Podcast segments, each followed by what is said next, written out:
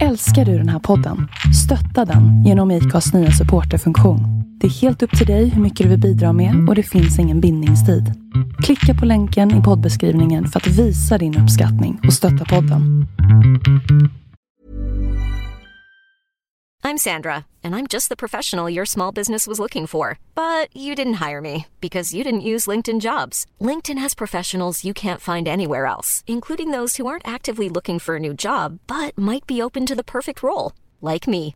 In a given month, over 70% of LinkedIn users don't visit other leading job sites. So if you're not looking on LinkedIn, you'll miss out on great candidates like Sandra. Start hiring professionals like a professional. Post your free job on linkedin.com/people today. Even when we're on a budget, we still deserve nice things. Quince is a place to scoop up stunning high-end goods for 50 to 80% less than similar brands.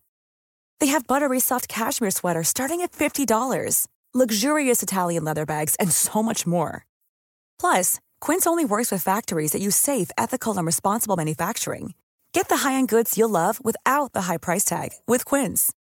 Go to quince.com slash style for free shipping and 365-day returns.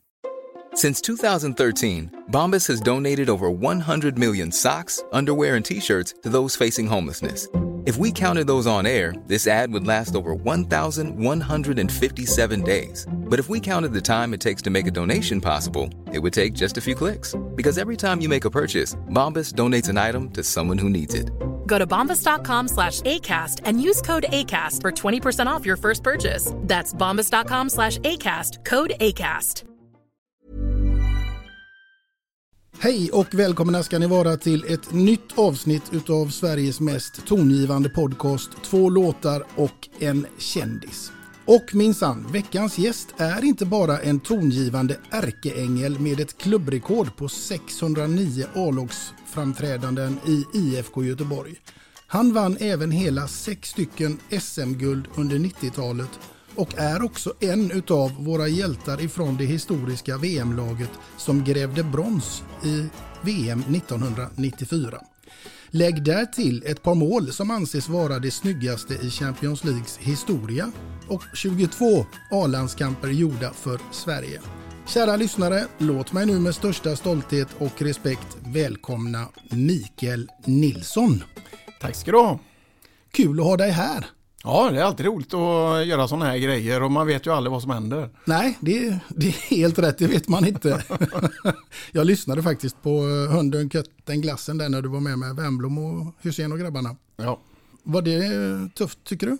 Nej, det var inte så tufft. Det var ju ett rätt bra, rätt lättsamt och det ska ju vara det. Jag är en lättsam person så det ska vara mycket skratt och det ska vara mycket roligt. Mm, det kommer vi att få här idag, det törs jag lova.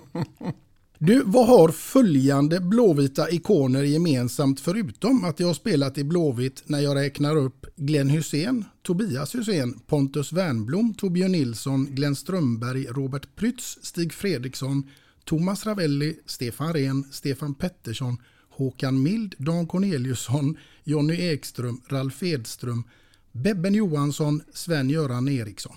Vad de har? Ja, vad har de gemensamt förutom att de har Blåvitt? Gemensamt. De, de spelat i landslaget också. Ja, något mer än det? Uff, nu sätter du mig här. Har de någonting gemensamt?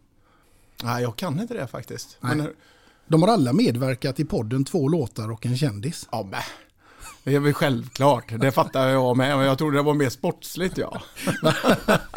Och nu ansluter även Mikael Nilsson till denna trupp. Vilken uppställning! Ja, den är rätt bra. Det finns ju några namn i IFKs historia som, har, som är bra fotbollsspelare, bra personer och som är rätt stora inom svensk idrott då, eller i fotbollen. Då. Absolut. Du, vi ska komma tillbaka till ämnet fotboll och Blåvitt och landslaget och allt möjligt. Men in, initialt här så vill jag ju fråga dig, hur står det till med Mikael idag? Idag är det rätt så bra, Mm. tycker jag. Jag har kommit i en, ja, en livssituation där jag trivs rätt bra. Eh, har ett bra jobb, jobbar på STS Alpresor som företagssäljare. Och eh, privatlivet så lever jag fortfarande singel i och för sig. Va? Men ändå trivs jag rätt bra med livet faktiskt. Ja, härligt. Du, eh, jag tänker att den här podden den handlar ju till stor del om ämnet musik, även om vi ska prata om din karriär också. Men jag tänker att musik är ett ämne som berör oss alla människor på ett eller annat sätt oavsett om man är musikalisk eller inte. Mm. Musik kan man ju ha, ja, men det är ju rätt skönt att ha musik. Jag lyssnar på mycket musik hemma, men jag lyssnar på blandad. Men jag är fruktansvärt dålig på vilka det är som sjunger, vilka grupper det är och lite sånt. Men jag lyssnar gärna på det eh, hemma och även i det, på, när man åker bil. Jag åker rätt mycket bil. Då är det ju rätt mycket rockklassiker har jag fastnat nu för, för just nu då. Och, men det byts ju lite hit och dit och det går i perioder. Men det är jävla bra musik.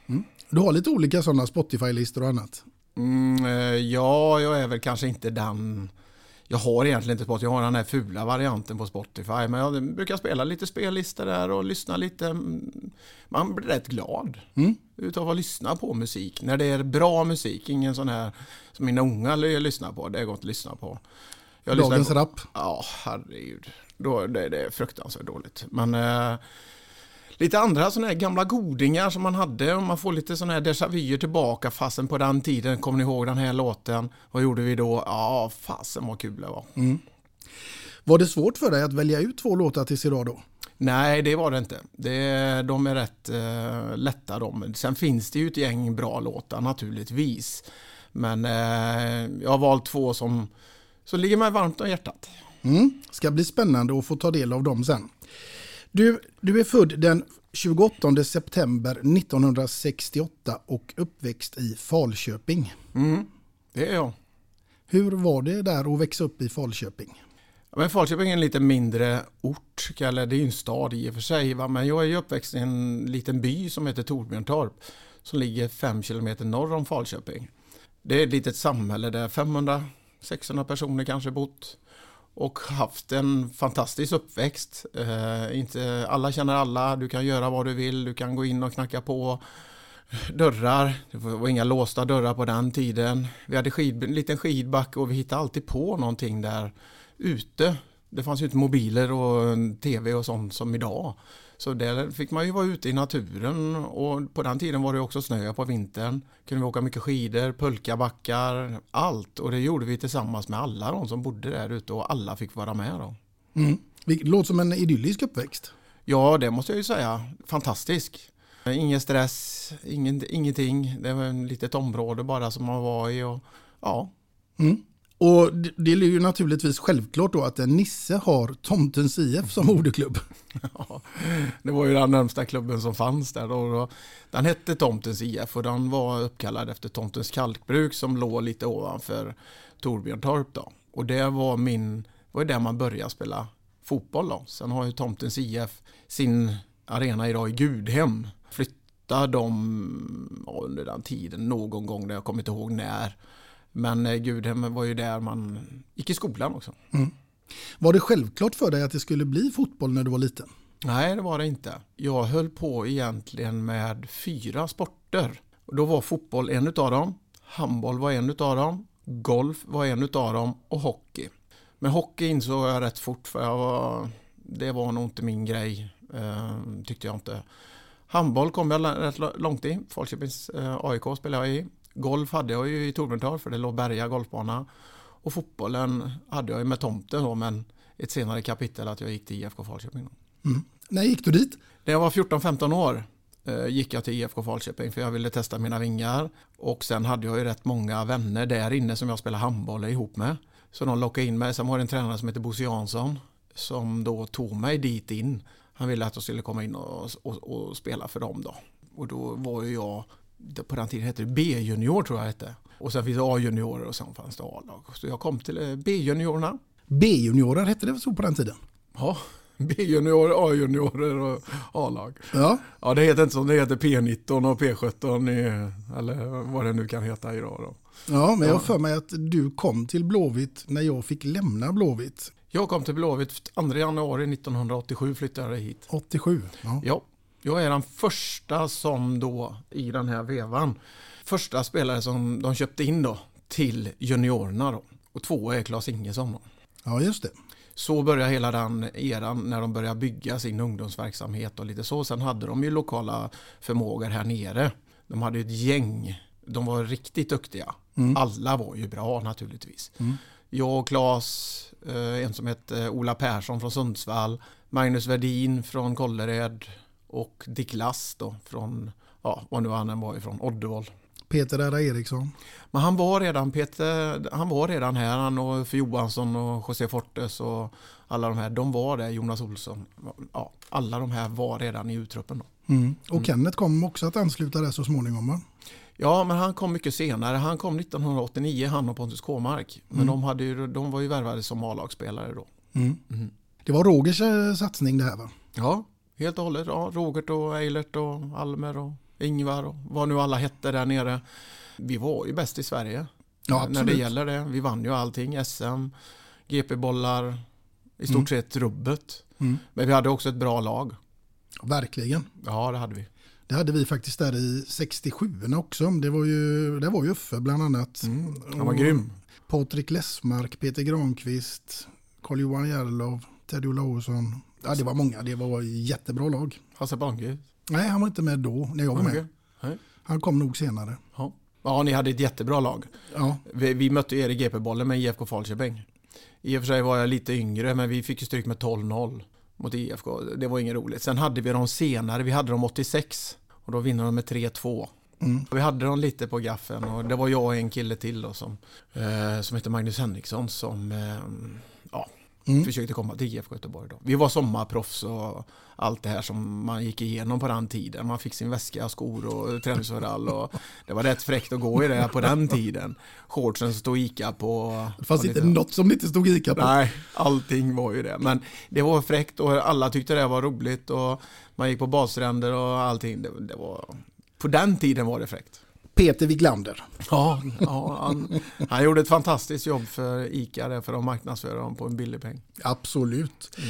Du, nu när vi ändå varit inne på Falköping och så, så är det så att vi har en lyssnarfråga till dig här idag också, Mikael. Okej. Ja, är du beredd? Ja. Ja. Det är en lyssnare här som undrar hur många invånare per capita har Falköping? Ja, han har kommit från Thomas Ravelli då. Han var inte ens med när detta tolkades så jag såg det efter podden där. Nu kanske det var lite taskigt mot han och kalla han för burken och lite så va, men... Eh, Men den är inte från Ravelli kan jag avslöja. Nej, okej. Det- Detta är ju en... Vi sitter på en buss någonstans och då skulle de ha det jävla skitspelet. Jag sa att jag kan inte det där så jag kan läsa frågorna. Och då kom den här per capita upp. Ja. Mm. Jag tror du ska träffa personen ikväll faktiskt på grindstugan. Ren!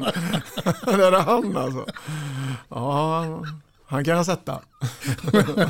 Men du kommer få en chans här att ge tillbaka lite senare i podden. Vänta bara. Du, eh, nu måste jag ju naturligtvis fråga dig, vad är ditt absolut första musikaliska minne som du kan komma ihåg från en sån där tidig, tidig ålder? Nu är det ju så här att eh, det, det första som slår mig då. I Falköping så finns det något som heter Folkets park. Och där fick man vara 15 år för att komma in. Och det är klart att jag kom ju inte in där då på när jag var 14, 15 eller innan jag hade fyllt för jag fyllde ju sent naturligtvis. Och då plankade man ju in. Och, och hoppades att ingen vakt tog en. Och sen fick man springa fort som fasen fram in i dansgolvet och dansa där så de inte hittade en i så fall. Eh, men det var Tone Norum som var i Folkets park. Som jag, eh, det är mitt första intryck eh, och min första till musiken då.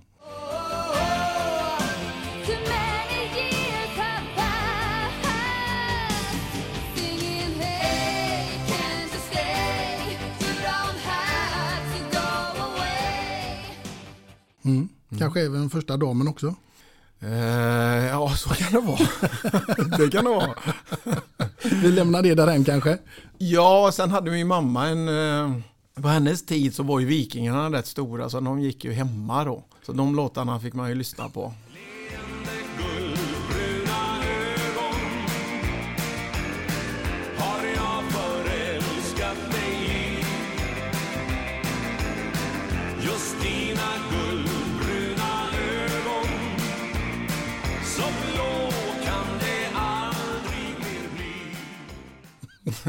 fanns ju knappt någon i Klabbe fanns på någon sån där på söndagar eller något sånt där. Men det var inte så att man satt och lyssnade på musik på den så. Det var mer LP och singlar och man var hemma hos kompisar och spelade och någon hade enorma samlingar och det var mer så då.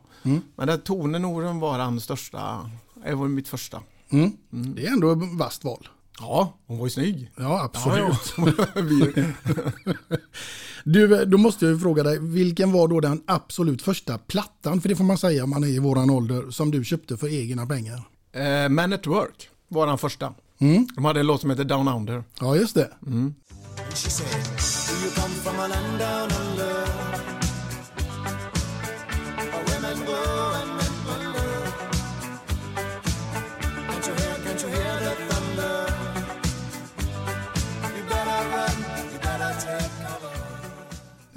var den första skiva jag någonsin köpte. För, och då fick jag en stereo av min pappa. Men det var det första. Då är det ju väldigt intressant här, för nu ska vi leka lite grann med din fantasi. Det är nämligen så att du ska få befinna dig på en öde ö i ett helt år och du får bara ta med dig musik från en enda artist eller en enda grupp. Vad skulle det bli? Ja, det finns säkert massa olika delar här. Man skulle väl tagit en tjej naturligtvis, men eh, jag väljer gruppen The Flappard. De får åka med dig till en öde. Ja, ja, Då, då klarar du dig. då klarar jag mig. Jag tror att de är rätt roliga killar och spelar bra musik också. Och de är bra att hålla igång. Mm. Spännande. Nu ska vi komma in lite mer på din karriär. 1987 till 2001, 15 säsonger, 609 A-lagsmatcher och 48 mål. Det är inte så många mål. Nej, men du var ju back. Ja, Och jag är ju värvad som, ja, jag är ju värvad som forward egentligen. Men de gjorde om mig där på, på något sätt. Det fattades gubbar och alla var skadade och då blev man en hjälpryttare där. Eh, Men framförallt så har väl hela min Blåvittskarriär varit back. Så kan man ju vara. Jag har varit libero, mittback, vänsterback, högerback. Och när du spelar internationellt så spelar jag alltid på vänster ytter. Mm. Med tröja nummer 13. Nej, Nej. fick man inte ha på den tiden. Man fick ha de siffrorna som var 2, 3, 4, 5 upp till 11. Och då hade jag alltid tröja nummer 6 eller 9. Jaha, jag minns dig som nummer 13. Ja, i Blåvitt har jag ju den. Ja, Det har jag alltid haft. ja. Eh, Men där var det lite så ibland att de var tvingade i Champions League att spela med två var den position du spelar på på plan. Två, tre, fyra, fem, de var backar. Sex, sju, åtta, nio, de var mittfältare. Och 10, 11 var forwards då. Det var så det var. Sen var det vissa namn och lite så. Det fick du inte bära om. Sen fick du bära dem i någon turnering och när det ändrades och lite så. Mm. Men du, 609 A-lagsmatcher, det är ju inkluderat träningsmatcher och så vidare. Men det är ju naturligtvis, eh, ja, jag törs ju säga att det, vi kommer inte att ha någon spelare som gör det, det antalet matcher framgent. Ja, inte som det ser ut nu och hur fotbollen, eh, vad fotbollen har tagit vägen just nu. För ehm, i stort sett så har ju inte vi råd att ha de bästa här. Det kan vara någon som kan, då får du göra en massa säsonger bara i Blåvitt. Jag tror inte de vill det. De vill ha lite miljöombyte idag. De vill testa sina vängar och bli proffs, tjäna en slant. På, men men man ska också komma ihåg att på den här tiden fanns inte Bosman. Bosman kom ju någonstans 96, 97 någonstans där han slog igenom. För den där var det bara tre utlänningar som fick spela i varje lag ute i Europa. Holländarna hade sitt, tyskarna hade sitt och så lite bla bla bla. Och det är klart att det värvade de kanske inga backar eller mittfältare. De, det var ju spetsen de värvade där. Och jag var ju ingen spets då då. Nej. Men ändå, du har den här fantastiska karriären och dessutom en ganska så gedigen framgång då i Champions League med bland annat två mål som för evigt står inskrivna i historieböckerna. Och ändå så blev du aldrig professionell utomlands. Nej, Jag valde det själv. Eh, Jag är en trygghetsmänniska. Jag trivdes jättebra i IFK Göteborg. När jag flyttade till Göteborg 1987 så hade jag en enorm hemlängtan. Så jag var nog nästan hemma varje helg för att träffa de vänner eller kompisar eller de jag umgicks med. Där, för jag mådde ju bra i den miljön. Här nere hade man ju inga kompisar på det sättet. Det kom ju över tid. Men jag tror att någonstans 88, i slutet av 88, 89, då bestämde jag mig att jag måste ju bryta upp med mitt förflutna och skapa mig ett kontaktnät här nere och umgås med dem här nere naturligtvis. Och det lyckades väl rätt så bra där. Sen kom ju Stefan Rehn också. Eh, och vi umgicks ju rätt mycket och sen hade vi, bodde på Hökegårdsgatan där i Mölndal. Vi var sex eller sju stycken som bodde i den fastigheten. Så det var ju också så att man kunde umgås med dem. Eh, hjälpas åt eh, och, och, och få den sociala biten. För den sociala biten tycker jag är den viktiga för att du ska trivas i en förening och det är upp till varje person att skapa den. Då. Mm. Det skulle jag också säga egentligen och det kan vi väl komma in lite granna på då med, med dagens IFK Göteborg. Där jag tänker att alltså de här framgångarna som vi har haft i föreningen tidigare, både på 80-talet och 90-talet, där tycker jag, med mina ögon i alla fall, att det som speglar de här framgångarna, förutom att det var duktiga fotbollsspelare, det var också att man hade ett fantastiskt bra omklädningsrum där, där man var alla för en eh, och så vidare. Och jag upplever idag att de har inga bra omklädningsrum. Jag vet faktiskt inte, jag har ingen erfarenhet av det här just nu, men om du backar då till 80 precis som du säger. De hade fantastiskt roligt tillsammans. De hade kul. Alla var respekterade oavsett om du spelade eller inte. Samma är det under 90-talet. Den, I den eran jag fick vara med idag. Det var viktigt att du kom in i gruppen, att du fick känna att du fick vara med. Det Spelar ingen roll vem du var. Och annars tror jag det blir svårt att få ihop en grupp. Gruppen måste funka. Oavsett om du spelar eller inte så måste den funka. För funkar inte gruppen så kommer du inte funka ute på plan heller. För det är där ute du ska göra din arbetsinsats för föreningen. Och man ska vara stolt när man går ut genom tunneln där nu på Ullevi då, eller gamla Ullevi. Och känna det att fasen nu ska vi göra ett jobb tillsammans här ute. Vi ska jobba för varann. Vissa uppgifter är tråkiga men de måste göras för att du ska få framgång. Mm, ja, men så är det absolut. Men i det här så hade man också ledare på den tiden som idag inte finns på samma sätt. Jag tänker både på Anders Bernmar, jag tänker på eh, Gunnar Larsson. Och det fanns ju andra i andra klubbar som Stig Svensson och, och allt vad de nu hette. Det var ju, och Erik Persson och de här gubbarna i Malmö. Alltså det var ju, det var ju starka ledare. Fruktansvärt starka ledare.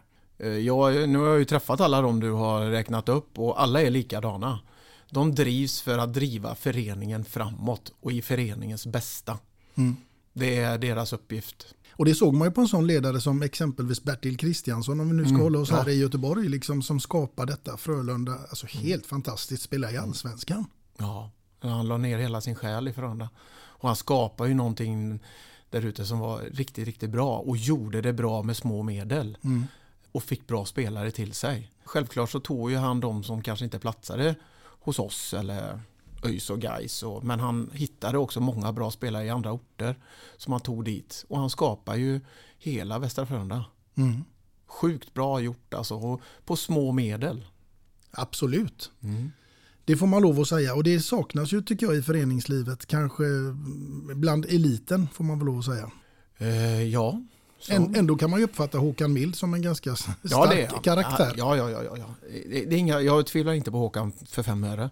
Vi har ju spelat ihop i många år. Jag vet vad han står för och vad han gör på planen och, och, och, och det där. Men det ska också kunna framkomma i gruppen. Han är rätt stark där. Det, ska, det kan jag tänka mig. Du, det samtalet vill du inte ha med honom. Det kan jag lova dig. Nej, men det är väl bra. Jag tycker ju det är jättebra att det finns så starka, men du behöver också en grupp, någon i gruppen som, som tar med dem fram. Jag tycker, jag älskar ju hockey. Tyvärr så måste jag nämna hans namn, Roger Rönnberg tar emot och säger det, men han har ju gjort någonting bra med, med, med, med Frölunda Hockey. Grauers, alla de här som är där inne. Titta hur de har byggt sin verksamhet, lång sikt, kort sikt, hela den här biten där han har byggt laget runt Joel och några andra spelare som driver deras spel. Försöker få upp ung, ungdomar som tar plats där uppe, skickar iväg dem till NHL. Okej, det är inte lika bra betalt som det är i fotboll. Men gör detta, jag tycker att de har gjort det på ett lysande sätt.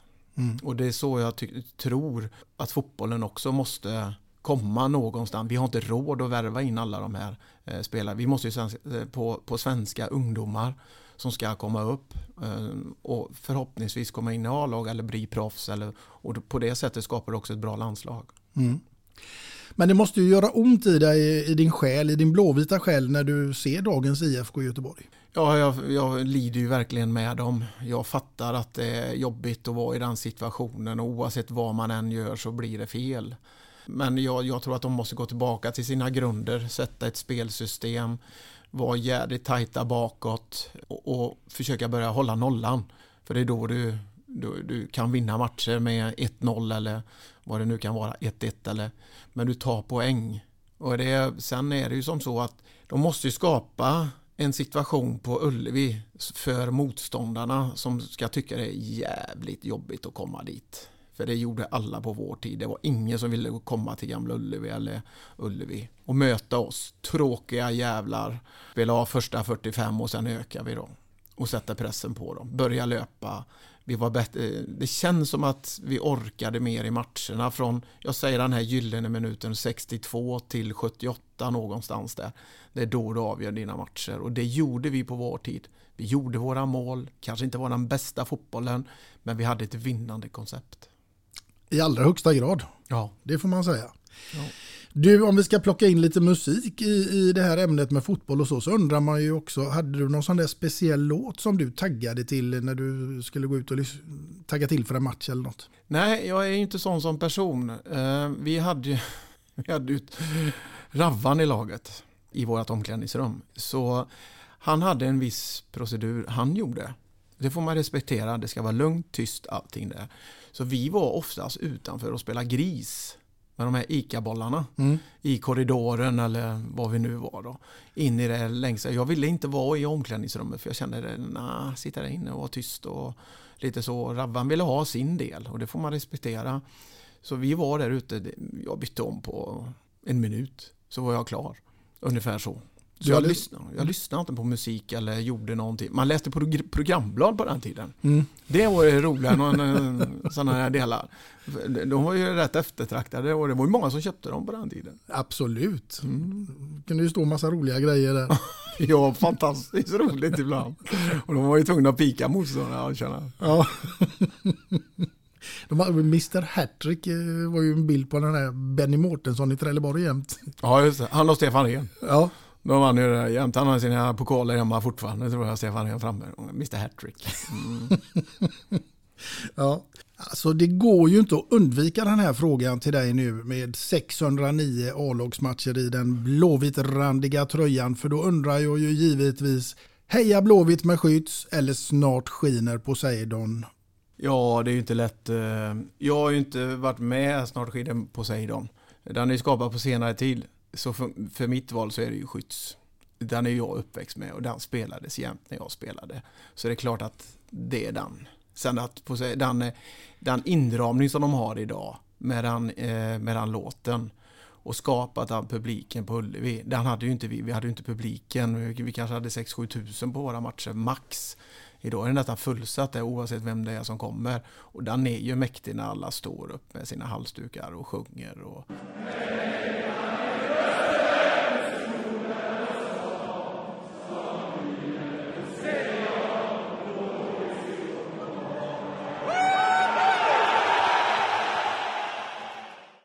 Jag tror att du får rysningar i den när du går in där i den tunneln och när du går ut till fotbollsplanen och hör den här publiken. Visst, absolut. Men Skytts är min lott. Ja, det, jag håller väl med dig eftersom det är den man har fått uppleva allt ifrån det att man besökte Ullevi med farfar första gången. eh, Ja, Ja, Det var det största som man, på den tiden när jag växte upp och få höra den låten eller när du gick in till den. Det var ju det man, det var ju första intrycket man fick. Och det är klart att den sätter sig på hjärnan att den kan du ju. Mm. Du lär dig varenda ord. Mm. Det är samma idag. Alla ungar idag kan ju Poseidon. Mm. Men de kanske inte kan Skytts. nej. Men Heja Blåvitt är en riktig klassiker. Ja, det är den. Den kommer att leva länge. Nu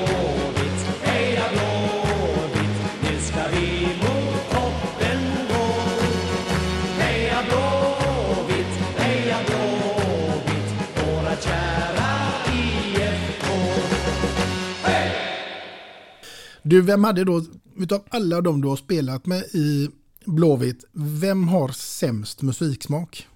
Ja du, vem som har sämst musiksmak? Ravvan. Ravan får den. Ja, han har massa sådana här konstiga låtar. Ja, ja. Som, som är, ja. Ingen fart, ingenting, men de är jätteklassiska låtar. ja. På tal om Ravelli, där, fick han pantat sina burkar? Vi vet ju inte det. Ställ frågan till honom. Jag kommer inte ihåg, säger jag. Ja, tjena. Ja, underbart. Det är skönt med de här gliringarna. Ja, men det är faktiskt en rolig historia. Sen att det var Katrin som råkade ut för det, det, det, det var väl lite synd. Det var nog inte det som var meningen. Men Vi får var- berätta för lyssnarna här nu, för de förstår ju inte det. Men vad var det som hände? Vi proppade hela hans bagagelucka full av gamla ölburkar som var på Kamratgården efter vi hade avslutat eh, någon säsong där. Eh, Vi, vem var det som fyllde? eh, det vet jag inte. Jag vet vilka det är, men de kommer jag inte avslöja. Jo, jag såg det, men eh, vilka som var med säger jag inte. Jag, han, jag tror att han vet hyfsat vilka det är. Han, han anar, eller om man litar på det, det vet jag inte. Eh, Men det, det, det var den här plastpåsen som fastnade i låset och som inte fick upp det och Katrin skulle åka med barnen och lite sånt. Så det blev ju lite high böveri bara. Och han var inte nöjd för vi var, dagen efter så åkte vi på landslagssamling uppe på, i Sollentuna. Då. Och vi, det, hon ringde vid lunch då när hon skulle åka och fick inte upp det, stacken. Ja. Och då fick du skulden av Ravan. ja, därför jag satt närmast, jag satt mitt emot honom. Och när några hade ätit upp och man hängde alltid kvar där och tjötade lite och lite så, då fick jag skulden där. Han var inte glad. Nej. Du, jag fick här från eh, en annan faktiskt, eh, före detta lagkamrat, som sa att du hade fått ett getingstick rakt igenom skon på en träning och det berodde på att du alltid var så stillastående. Ja, Ja, herregud. Jag har fått en humla, det var mot eh, öster borta, fick jag i mun. Och jag har fått ett getingstick i skon. Ja. Det, det, jag vet inte vem du har fått det utav, men det stämmer. Hela foten svullnade ju. Ja. Så eh, jag fick ju ta av mig skon och avbryta träningen. Jädrar vad det gjorde ont alltså. Ja. Mm. Så vill du ha en ledtråd? Ja, Pannband. Rambo. Ulma alltså. Magnus Ulme Johansson. Det, är, det är en bra historieberättare. Ja det är han. Han har ett fantastiskt minne. Han kommer ihåg rätt mycket. Eh, Ja, när han berättade så kommer jag ihåg, att, ja just det, det hände ju där. Och det är jag. Men jag är jättedålig på de historierna. Jag kommer ihåg vissa saker och lite sånt. Och djävulstyg. Mm. Mm. Är det något speciellt djävulstyg du kommer ihåg eller någon rolig incident? Jag menar, du har ju ändå spelat med Jonny Ekström. Ja, fantastisk människa. Absolut. Ja, det, han är så rolig så han vet inte det själv bara. Men eh, om du ska ta upp någon mer practical joke som inte har kommit fram då så detta är ju inte jag som kom på det. Men det Nej. var en kille som hette Göran Olsson som jag jobbade ihop med på Mod och konsumentprodukt när jag kom till Göteborg fick jag jobba med honom. Han, sa- han var ju årets säljare jämt och han sålde in lastbilar och jag skulle få in alla toapapper och allting sånt i de här bildelsbutikerna. Då. Men han, eh, vi fick ju Volvo som leasing. Vi hade ju dem som avtal, hur man nu uttrycker sig. Men efter en tid så försvann ju de här nycklarna. Då gick det ju över till sådana här man trycker på. Och det gjorde jag faktiskt. Så jag bytte alla nycklar. Jag gick in lite tidigare på en träning. Så bytte jag alla nycklar i fickorna som alla hade. Och så la jag fel där i. Och när de skulle gå ner dit och trycka. på- Då, då var det inte deras bil. Riktigt roligt. Innan de hittade sin nyckel. Några hade ju bråttom som attan för att hämta barn och grejer. Så det blir ju fantastiskt roligt egentligen. När man såg det. Det bara blinkade överallt. De var inte helt nöjda. Nej, de var inte nöjda. Men ja, det har inte framkommit att det var jag. Och det är inte säkert att alla från den tiden lyssnar på det här avsnittet. Nej, det hoppas jag inte. Det är lite sent att ge tillbaka kanske. De vill nog gärna ge tillbaka på mig, det tror jag de flesta. Skulle jag gift mig så tror jag inte jag överlever. Blir det något giftermål då? Det ser inte så ut. Nej. Nej. då, då, ja, då, då, då. Fy. Ja, det börjar nämligen bli tid för att komma fram till ditt första låtval som jag är extremt nyfiken på vad det skulle kunna vara, med vem och inte minst varför såklart. Jag är ju dålig på sådana här texter och vad, vad folk heter och vilka grupper det är. Jag lyssnar ju jättegärna på det och när låten kommer, ja visst den här tycker jag om. Nu har jag valt den här låten tack vare att jag tror det var Markoolio som spelade den här. Och jag tyckte den var så himla bra. Jag har inte lyssnat så mycket på just den här genren på musik. Men jag har valt Kenny Rogers och Gambler. Mm. som jag tycker det var. Vad var det som gjorde att du valde den? Själva rytmen i låten, eh, lätt att hänga med, lätt att sjunga. Ja, det är väl det. Och, hans- och så hans röst. Fantastisk röst han har. Ja, absolut. Det måste jag säga. Ja, jag tycker vi tar och kör den. Mm.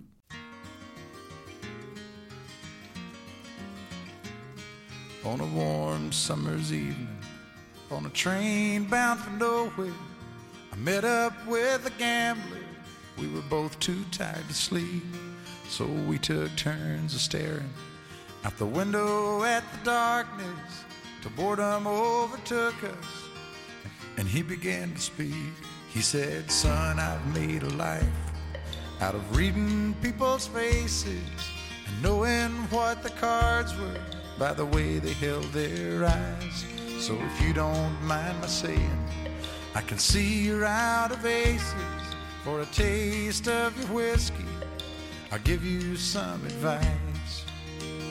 So I handed him my bottle, and he drank down my last swallow.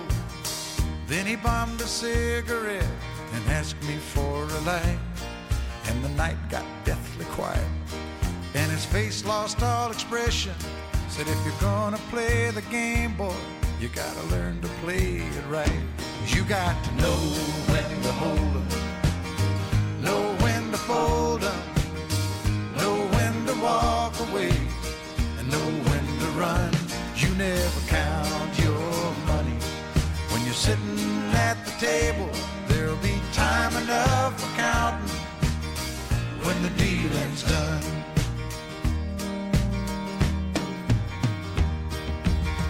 Every gambler knows that the secret to surviving is knowing what to throw away, knowing what to keep. Cause every hand's a winner and every hand's a loser. And the best that you can hope for is to die in your sleep. And when he'd finished speaking, he turned back toward the window, crushed out his cigarette, faded off to sleep. And somewhere in the darkness, the gambler he broke even. But in his final words, I found an ace that I could keep. You got to know when to hold 'em, know when to fold 'em, know when to walk away, and know when to run. You never count your money when you're sitting at the table. There'll be time enough for counting when the dealing's done. You got to know when to hold 'em, when to hold 'em, know when to fold to and know when to run. You never count your money when you're sitting at the table. There'll be time enough for counting when the dealing's done. You got to know when to hold 'em, know when to fold 'em, know when to walk away, and know when to run. You never count your money when you're sitting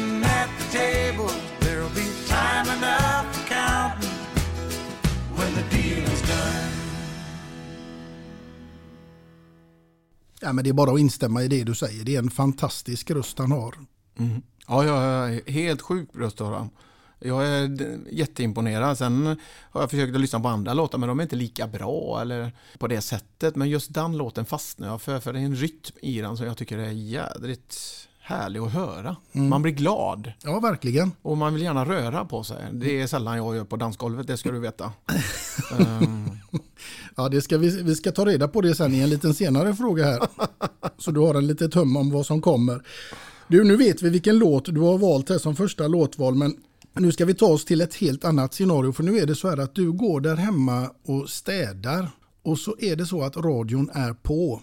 Och helt plötsligt så dyker det upp en låt på radion där du känner att nej, nej, nej, nej, inte en chans, det här åker rakt av eller jag byter kanal. Det undrar jag vad det är för något. Åh herregud. En dålig låt, ja då byter jag kanal. Ja, Annars vet jag faktiskt inte. ja, ehm, Och så, jädra klurig fråga alltså. du har ingen sån här låt som du bara känner att den, du avskyr den. Jo, det finns massa sådana låtar. Herregud. Mina döttrar, eller min dotter och, och William, min pojk då, de spelar fruktansvärt dålig musik. De får inte, när de sitter i min bil får de inte ha på Spotify, va? för det går inte att lyssna på deras låtar. För de är så dåliga. Och det är, och alla är dåliga. Sen kommer det någon som är bra som man inte har hört någon gång sådär som är populär idag som jag aldrig har hört talas om. Men som man, oh den här är bra. Ja. Mm. Men eh, de fruktansvärt dåliga musiksmak har de. ja, dagens rap den åker av exempelvis. Ja, den ligger inte mig varmt om hjärtat. Nej. Nej. Du, då tar vi oss till någonting annat istället för då undrar jag vem som skulle kunna få skriva låten eller visan om Mikael Nilsson. Åh herregud. Ja du. Det var vilken fråga. Ja, du får välja precis vem du vill, död eller levande. Här är det bara fantasin som sätter gränser. Då, jag tar faktiskt, den är rätt glasklar. Niklas Strömstedt. Niklas Strömstedt. Ja, väldigt fin person. Gemytlig att umgås med, prata, alltid haft ett gott öga till honom. Mm. Det förstår jag med tanke på att han har ju egentligen redan delvis sjungit om det i alla fall och då tänker jag på När vi gräver guld i USA såklart för den var väl en hyllning till hela låten, eller hela laget och eh, vi kan ju komma in lite på det, VM 94. Mm. Det måste ju ha varit en eh, otrolig upplevelse. Ja, det är historia i svensk fotboll. Eh,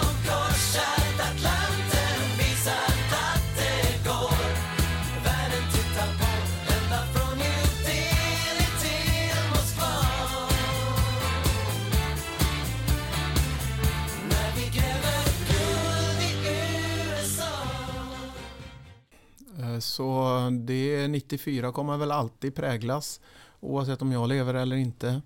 Det är samma med, var det OS 58 va? De är ju också eh, ett lag där. Det är ju svårt att vi spelar en semifinal i ett VM. Lilla, lilla Sverige. Mm. Mot de här stora nationerna. Vi hamnar väl kanske på rätt sida där borta på, i Los Angeles-sidan istället för de som var i New York och eh, reste runt där. Men vi hade ett fantastiskt bra lag. Jag tror vi var 11 stycken från Blåvitt eller något sånt där. Och 7-8 från Malmö.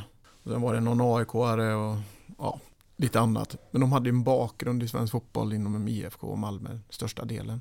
Och det var en grupp som, vi kände ju varandra himla väl. Eh, vi 11 som hade spelat i Blåvitt. Och även de i Malmö, för de mötte vi ju rätt så ofta också. Och den blandningen och kom, kom, eller kom, kombon med vinnarskallar som du har i den här gruppen eh, tror jag ligger till grunden här. Sen är det ju Tommy som, som har haft en bild hela tiden och trott på detta och coachat oss alla. Eh, oavsett om vi spelar eller inte och vi var en grupp på någonstans 22, 23, 24 stycken. Mm. Men här ska man inte heller glömma staben som är runt omkring eh, landslaget som gör ett fantastiskt jobb. Både läkare och massörer och kockar och materialare. Alla de här, det var en grupp som funkade. Man kunde umgås med alla. Alla umgås med vem du ville. Det var inte så här grupperingar eller så. Jag var med Malmö ibland och ja, var de nu spelade någonstans då. Eh, och det tror jag var en nyckel också, att vi funkade tillsammans. Sen finns det ju vissa personer som är individuella som vill spela till vilket pris som helst. Men som måste ju också finnas i gruppen. Mm. För annars funkar det inte. Och det är klart att ibland spelar man och ibland spelar man inte. Hade Zlatan Ibrahimovic funkat i den gruppen? Ja, fotbollsmässigt har han ju absolut gjort det och jag känner ju inte han. Jag älskar ju honom och hans kommentarer, alla den här, men jag tror att han har en annan sida när han är privat. Det tror jag. Jag har hälsat på honom två gånger, det är vad jag har gjort. Han vet inte vem jag är eller så, men fotbollsmässigt, ja, det hade han. Ja, definitivt. Men jag tänker mer på hans eh, karaktär på något sätt. Han är ju en vinnarskalle till vilket pris som helst. Mm. Han ska vinna. Mm. Hur han vinner, det skiter han i tror jag. Bara han vinner. Mm. Det, jag, ty, jag älskar ju den delen utav honom. Det gör jag. Är Det du måste- en vinnarskalle? Ja, kanske inte det på det sättet. Jag visar inte så mycket. Jag har inga sådana här stora gester eller gör de här delarna. Däremot så ute på plan. Jag jobbar mig till, jag hjälper dem där ute, pratar med dem, kommer de som spelar runt omkring mig då. För att lösa den situationen. Sen är jag ju beroende av alla andra runt omkring mig naturligtvis. Men det, har- det tror jag är en av mina storheter att ja men spring, gör det, jag täcker för dig eller jag gör detta, går du där får du bollen där. Gör detta, jag är ingen, jag är ingen ego. Jag försöker ju sätta mina lagkamrater i en så bra position som möjligt eh, ute på planen och pusha dem, ge dem självförtroende, prata med dem, ta hand om dem. Och det, det är inga stora grejer eh, så sett men det är en viktig del när du bygger ett lag. Och det är samma som du bygger när du är ute på företag eller när- du jobbar. Funkar inte gruppen, då funkar det inte i någonstans. För då är det någonstans som det tar en broms och då måste du få med på resans gång. Och det är grymt viktigt att gruppen gör det tillsammans och ingen sitter där uppe och styr. Eh, Man får rätta till fel på vägen. Eh, Det får alla göra oavsett idrott eller arbetsliv. Eh, Så, så, så, så tror jag att får du människor att tro på det de ska göra för att nå målet, då vinner du. Mm. Men har du inte det, då får du det jobbigt. Då blir det si och så där. Mm. Ja, men det är en intressant analys som jag skriver under på rakt av. För man kan dra väldigt stora parenteser mellan det fungerande kollektivet ute på en fotbollsplan och i näringslivet på en arbetsplats. Ja, ja absolut. På en fotbollsplan så är det 11 individer, oavsett vad de heter. De ska vinna matchen och, hur, och de ska göra det tillsammans. Eh, det är ingen som kan bära ett lag om du inte heter Messi eller Ronaldo som är... Det, det, de, de kan avgöra en match oavsett. Men hade du satt Messi och Ronaldo i, i, i en svensk fotboll så hade de inte varit så bra. För de har ju inte de spelarna runt omkring sig som levererar de här bollarna eller skapar ytor för dem eller gör de här delarna. De har ju världsspelare runt sig på detta. Och det, det är därför de är bra. Och vi i Sverige är ju bra på kollektivet, att vi jobbar tillsammans och att vi skapar någonting tillsammans. Vi löper tillsammans, vi jobbar tillsammans, vi passar tillsammans. Allt det här ute på plan, när det stämmer, så det är klart att då är det mycket enklare att spela fotboll. För du vet vad alla gör, du vet hur de springer, du vet vad det är för person, du vet vad han vill ha för bollar. Det är en massa eller mm, massa in- ingredienser som måste funka. Den funkar ju inte alltid. I vissa matcher är det ju så att den inte funkar eller vi har en motståndare som gör det mycket bättre. Då får man ju bara gratulera dem. Men vi vill ju inte det. Nej. Då vill man ju gärna spela match dagen efter och visa att det här var, mm, det ska aldrig mer upphända, eller hända. Och det är den du måste ha med dig hela tiden, tror jag då. Sen är det massa andra aspekter som ska in här också. Men, och att du har bra spelare som, som du kan forma till det du vill ha i den förening du är då. This is Paige, the co-host of Giggly Squad, and I want to tell you about a company that I've been loving, Olive and June. Olive and June gives you everything that you need for a salon quality manicure in one box. And if you break it down, it really comes out to $2 a manicure, which is absolutely insane. It's also so easy to get salon worthy nails at home with Olive and June. The difference between how your nails used to look when you did them yourself and now with the Manny system is a complete game changer. The best thing about Olive and June too is it's a quick dry. Dries in about one minute, lasts for five days, and full coverage in up to one to two coats. Visit oliveandjune.com slash perfectmanny20 for 20% off your first system. That's oliveandjune.com slash perfectmanny20 for 20% off your first system. I'm Sandra, and I'm just the professional your small business was looking for. But you didn't hire me because you didn't use LinkedIn jobs. LinkedIn has professionals you can't find anywhere else, including those who aren't actively looking for a new job but might be open to the perfect role, like me. In a given month, over 70% of LinkedIn users don't visit other leading job sites. So if you're not looking on LinkedIn, you'll miss out on great candidates like Sandra. Start hiring professionals like a professional. Post your free job on linkedin.com/people slash people today. Hey Dave, Yeah, Randy. since we founded Bombus, we've always said our socks, underwear, and t-shirts are super soft. Any new ideas? Maybe sublimely soft. Or disgustingly cozy? Wait, what? I got it. Bombus. Absurdly comfortable essentials for yourself And for those facing homelessness. because one purchased equals one donated. Wow, did we just write an ad? Yes. Bombas. Big comfort for everyone. Go to bombas.com slash ACAST and use code ACAST for 20% off your first purchase. Even when we're on a budget, we still deserve nice things. Quince is a place to scoop up stunning high-end goods for 50 to 80% less than similar brands. They have buttery soft cashmere sweaters starting at $50, luxurious Italian leather bags, and so much more. Plus, Quince only works with factories that use safe, ethical, and responsible manufacturing. Get the high-end goods you'll love without the high price tag with Quince. Go to quince.com slash style for free shipping and 365-day returns. Millions of people have lost weight with personalized plans from Noom, like Evan, who can't stand salads and still lost 50 pounds. Salads, generally, for most people, are the easy button, right? For me, that wasn't an option. I never really was a salad guy. That's just not who I am. But Noom worked for me. Get your personalized plan today at Noom.com. Real Noom user compensated to provide their story. In four weeks, the typical Noom user can expect to lose one to two pounds per week. Individual results may vary. Du borde vara i föreningen IFK Göteborg i en allt mer aktiv roll kan jag tycka. Ja, jag har aldrig fått frågan. Nej, men den borde komma. Håkan Mild, eh, för helvete, ring Nisse. Men jag är ju rätt... eh, Det där är väl, jag hade nog gärna jobbat i föreningslivet på något sätt. Jag har ju haft min pojk nu, jag har varit i Älvsborg i många, många år och haft de ungdomarna där ute. Jag tror att de, de har nog fått en rätt positiv bild av mig oavsett om de har sett mig spela fotboll eller inte. Men jag är en glad skit och jag skojar med dem och vi får ihop gruppen eh, jävligt bra. Och det är otroligt många som håller på än idag. De börjar ju bli 18-19 och de håller fortfarande på, många utav de här. Och det gäller att bygga det på sikt, inte kort sikt. Nej. Men det finns ett kortsikt, men det långa är det viktiga. Mm. Att du har kontinuitet i det du gör. Absolut. Och jag tänker också det här med kulturbärare. Alltså Håkan Mild är ju en kulturbärare. Mikael Nilsson, du är en annan. Tobias Hysén, eh, en annan karaktär. Det finns lång, många naturligtvis. Vi hade ju på 80-talet eh, Torbjörn Nilsson, ja där är ju alla karaktärer. Tord Holmgren, eh, Ruben Svensson. Ja. Det, det är kulturbärare liksom. Ja. Idag är Sebastian Eriksson möjligtvis en kulturbärare.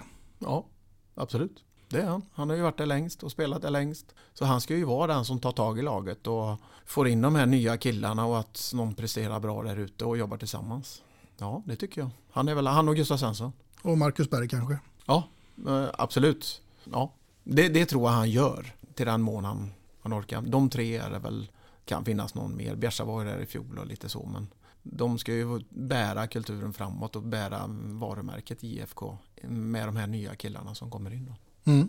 Du, eh, vi ska ta oss tillbaka nu här i, i musikens tecken. Eh, därför att, eh, och även matens faktiskt. För att nu är det så att du ska få ha en middagsgäst. Och här är det bara fantasin som sätter gränserna. Precis vem du vill, död eller levande.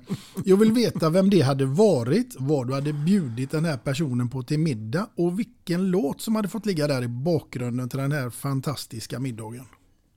Åh herregud. En person. Mm. Vem som helst. Jaha du, det här var inga lätta frågor du ställer. Det skulle du sagt innan så man hade kunnat fundera lite. Jag vet faktiskt inte om... Det finns nog rätt många intressanta personer som jag hade velat träffa och prata med. Jag hade nog tagit Barack Obama. Mm. Hade jag nog tagit. Han är en intressant person. Han verkar vara fruktansvärt smart och klok i vad han säger och lite så. Sen är han en jänke. Ja, de har sitt sätt. Ehm, Men jag hade nog haft filmen, filmen ehm, filmmusiken från Gladiator. Ja, Mm, lite roligt. ja det hade varit passande. Ja.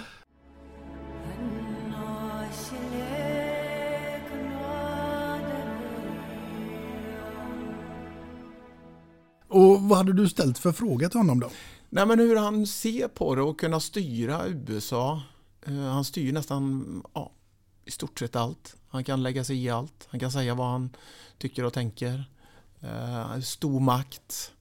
Och hur han kom dit. Och varför han kom dit. Mm. Vad var intresset? Var detta från början? Eller hur har du kommit in på den här banan? Eller Mm. vad är det du vill åstadkomma? De här frågorna, jag- han är otrolig när man lyssnar på han. Grym talare och har bra svar. Mm. Mm. Och vid det här tillfället så hade du varit en fantastisk kock i köket och då undrar jag vad hade du serverat Barack Obama hemma hos dig här nu? Ja du, mitt kök eh, är inte så bra. Jag är inte bra på matlagning. Eh, han hade fått någon kött, potatis och sås. Ja, kött, potatis och sås. Ja, mycket gelé, morötter och ärtor. Mm. Och en riktig gräddsås. Mm. Och vad hade han fått uh, skölja ner det här med? Han kan egentligen få välja vad han vill. eh, Kan jag säga. Han, jag hade ju gärna druckit eh, något vatten eller något sånt. Jag var ingen jätte på att dricka alkohol eh, längre. Nej. Ett gott vin hade han fått. Ett gott vin hade han fått. Mm. Ja.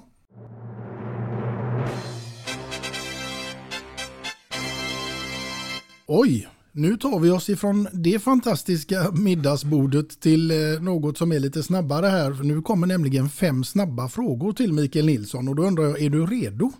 Eh, det, det är jag säkert inte, men eh, jag är det nu. Ja, vad bra. Då börjar vi med den första som lyder.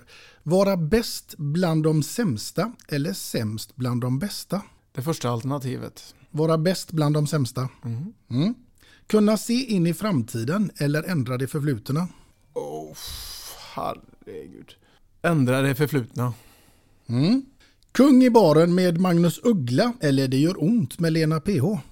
Uggla alla dagar i veckan. Uggla alla dagar i veckan. En raggarvecka med Leif och Billy eller en vecka som deltagare i Bonde söker fru? Leif och Billy, alla, det hade jag alltid. Alla dagar i veckan. Jag var i Sörbäckens största talang en gång i tiden. Visste du det? Ronaldinho of the North kallar de mig. Ja, det är sån jävla bra teknik. Lite snyggare tänder kanske än han, men samma teknik. Leif och Billy, en, racka, en raggarvecka med Leif och Billy. Alla dagar i veckan. Ja. Parkeringsböter varje dag i en månad eller 365 dagar i Gaiströja. Parkeringsböter. ja, jag kan ju inte säga någonting annat. Jag, min, min förening är IF och jag har ingenting emot någon annan förening överhuvudtaget. Och alla som tror att jag hatar ÖIS eller Gais eller Häcken eller vad nu alla heter. Det gör jag inte. För jag tycker de, de är, det är deras klubbar men jag har ju aldrig haft någonting med dem att göra. Och jag är förknippad med IFK. Och jag kommer alltid vara IFK. Så är det. Mm. Du, eh, nu är det så här att vi ska ta oss till ett annat scenario och där vet jag inte om det kommer att gå lika snabbt som det gjorde nu. Men det är så här att du är i final i Let's Dance. Och jag vill veta med vem hade du dansat? Och här är det också bara fantasin som sätter gränserna. Och sen vill jag veta till vilken låt den här dansen nu hade fått utspela sig till. Ja, för det första så kan jag ju inte dansa. Och hade jag varit där så hade jag varit där med Kate Winslet. Det är ju inget tråkigt val. Nej. Nej. Det är outstanding. Hon har en av de bästa filmer som någonsin har gjort på till Titanic. Ja, Och den låten som är där. det är den ni hade dansat till. Ja.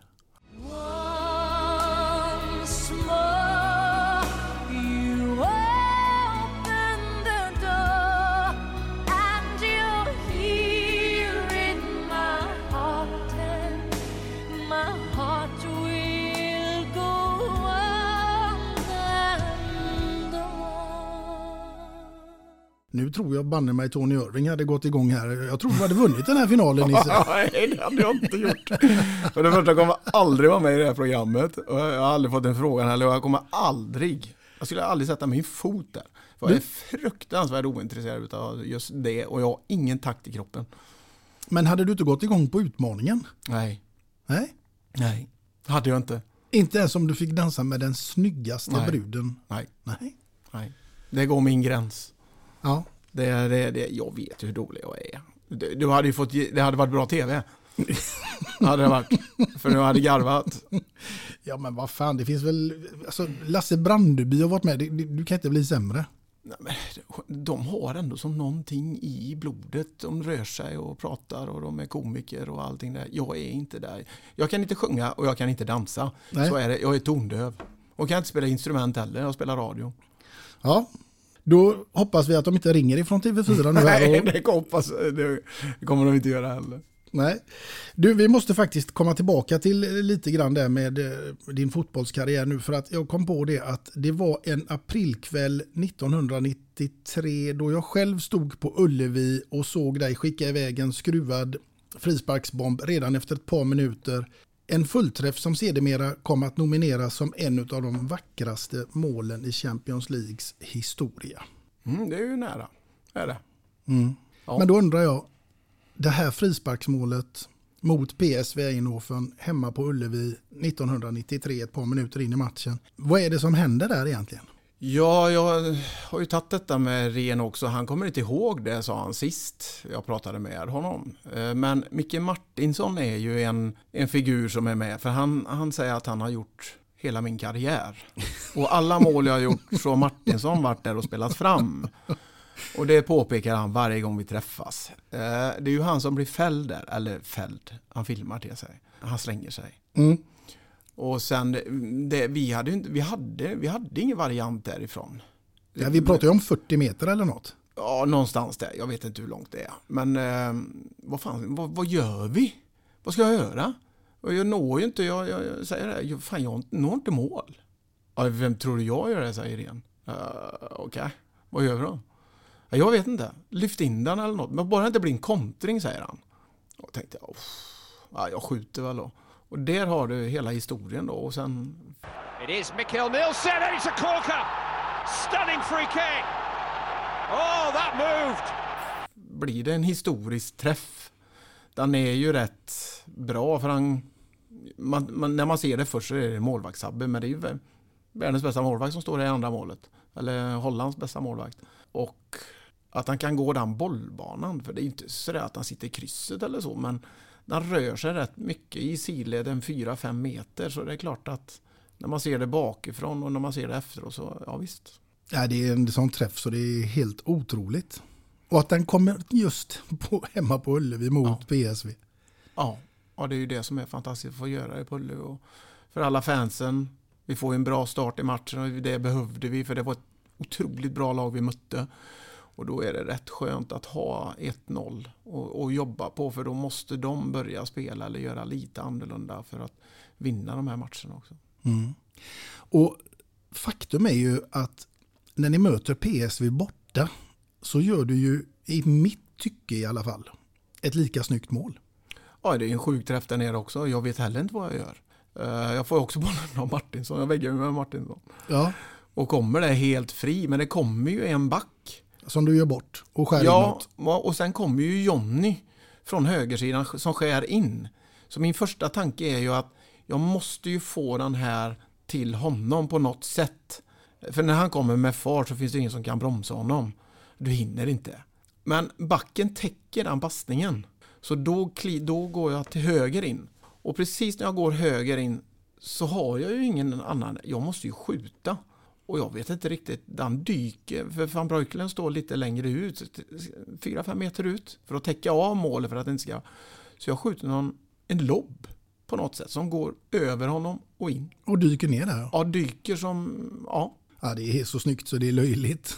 Ja, just att det är mot samma lag också. Du var inne i ett stim där liksom. Ja, det var ju skönt. Van Breukelen kunde stått alla matcher och hade gjort mer mål tydligen. Ja, bägge dessa målen anses ju vara eh, några av de vackraste i Champions Leagues historia. Och det är ju ganska häftigt att det kommer från Mikael Nilsson i IFK Göteborg. Ja, det, ja, det är ju nära. Det, så är det ju. Den är väl topp top tre där på frisparkar och den andra är väl topp 20 då.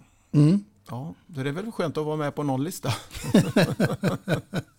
Ja, du på tal om lista, nu ska vi ta oss ifrån den här fantastiska listan där du har fantastiska meriter. Och nu ska du få möjlighet att ge tillbaka på ett antal lagkamrater genom åren. Därför att du känner ju väl till sagan om Snövit och de sju dvärgarna. Din uppgift här den blir nu att placera ut med eller motspelare som du mött under din karriär och som här passar in under respektive karaktär. Och då börjar Ja, jag med det den första här som är Kloker. Vem av alla skulle kunna få representera Kloker? Får jag ta sådana som jag spelar med? Mm. Eh, Det tar jag Magnus Ellermark. Magnus Erlingmark får Kloker. Mm. Vi tar oss ifrån Kloker till dess raka motsats och då hamnar vi ju hos Toker. Ulme. Ulme. Mm. Ja, nu kommer en ingen högoddsare här för nu ska vi ta oss ifrån Toker till Trötter. John Ekström. Jag är ledsen Jonny men alla blåvita som har fått den här de har svarat Jonny. ja. Kanske finns en anledning. Ja. Vi tar oss ifrån Jonny och Trötter till Butter. Thomas Ravelli. Han får den alltså. Ja, den är kanske inte jättebra på honom, men han har en vinnarskalle och han vill vinna till vilket pris som helst. Mm. Mm. Ja, han är inte rolig när han har förlorat. Nej. Eller fått burkar i bilen. Du, vi tar oss från Butter till dess raka motsats och då hamnar vi hos Glader. Eh, jag Glader som alltid är glad och positiv. Då säger jag Stefan Rehn. Stefan Rehn får den. Blyger då? Jesper Blomqvist. Jesper Blomqvist får den. Och nu kommer vi till en ganska intressant karaktär här och det är Prosit. Stefan Lamberg. Stefan Lamberg Ja, får... nu var jag elak mot honom. Ja, Ja. Han var ofta lite snuvig i näsan. Ja, alltid. Alltid? Mm. Den är inte rolig. Nej, det är den inte. Det här kommer jag få skit för. Men du, vi ska ta en till här och det är den sista. Vem skulle kunna få bli den manliga versionen på Snövit då? Mycket svår fråga alltså. Eh, Jag säger Glenn Holm. Glenn Holm får den alltså? Ja. ja. Den var lite Alltid otippad. sti- Ja, alltid stilig. Ja. Kostym. SE-banken. Jajamensan. Ja. Jajamän. Det kan han få. Den får Glenn Holm. Mm. Ja, jag tänkte du kanske skulle sagt Ruben där men... Nej, han hade jag inte på tanken där. Ruben kan vara på de andra.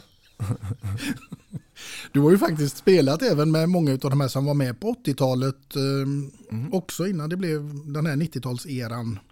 Ja, inte alla, men många utav dem. Jag hade ju det när jag kom till föreningen 87. Så var jag bara utruppen i någon månad, sen blev jag uppflyttad till A-laget. Och det var ju den eran när de var i Uefa-cupen. Och de var ju fruktansvärt bra. Så jag har ju tränat med dem och levt med dem i det omklädningsrummet. Så det är nog tack vare det att jag trivs i IFK Göteborg. Mm. Mm. De satte standarden där, sen var de inte direkt snälla mot mig och vann, men det var en annan femma. Men eh, det har de andra fått på 90-talet. Vad, vad fick du göra när du blev inkilad? Vad gjorde jag? Fick sjunga och bjöd på femrätters middag. Oj! Mm. För det var ju inte så att det var välbetalt att vara lärling eller om du hade nu rent A-kontrakt, jag vet inte. Nej, jag blev inkilad eh, 88 och då var det som så att man fick sjunga eller dra någon sketch eller ja, man ställde sig upp och gjorde de delarna. Sen var det middag som gällde då. Men eh, vilken ordning maträtterna kom in i. Det var en annan femma.